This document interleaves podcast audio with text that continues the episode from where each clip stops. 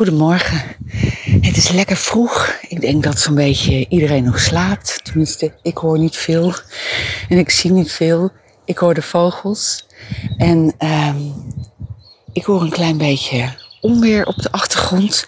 Er is een heel waterig zonnetje te zien. En ik heb net een aantal, uh, of een strook grond, um, wat omgewoeld. Ik ben nou op weg met de kruiwagen naar... Uh, de paardenstront, om daar wat paardenstront doorheen te mengen. En daar ga ik mijn tomatenplantjes uh, inzetten.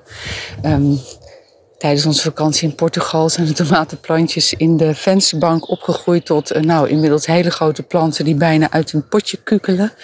Dus ze moeten naar buiten. En ik moet eigenlijk de hele dag de deur uit. Dus ik dacht, ik sta vroeg op.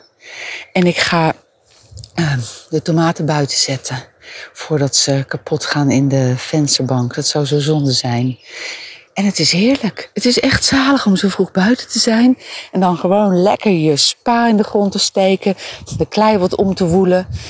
En daar dan wat paardenstron doorheen te mengen. Tomatenplantjes erin te zetten. En dan je dag verder te beginnen. De dag is natuurlijk al begonnen. Maar dan de dingen te gaan doen die op mijn agenda staan.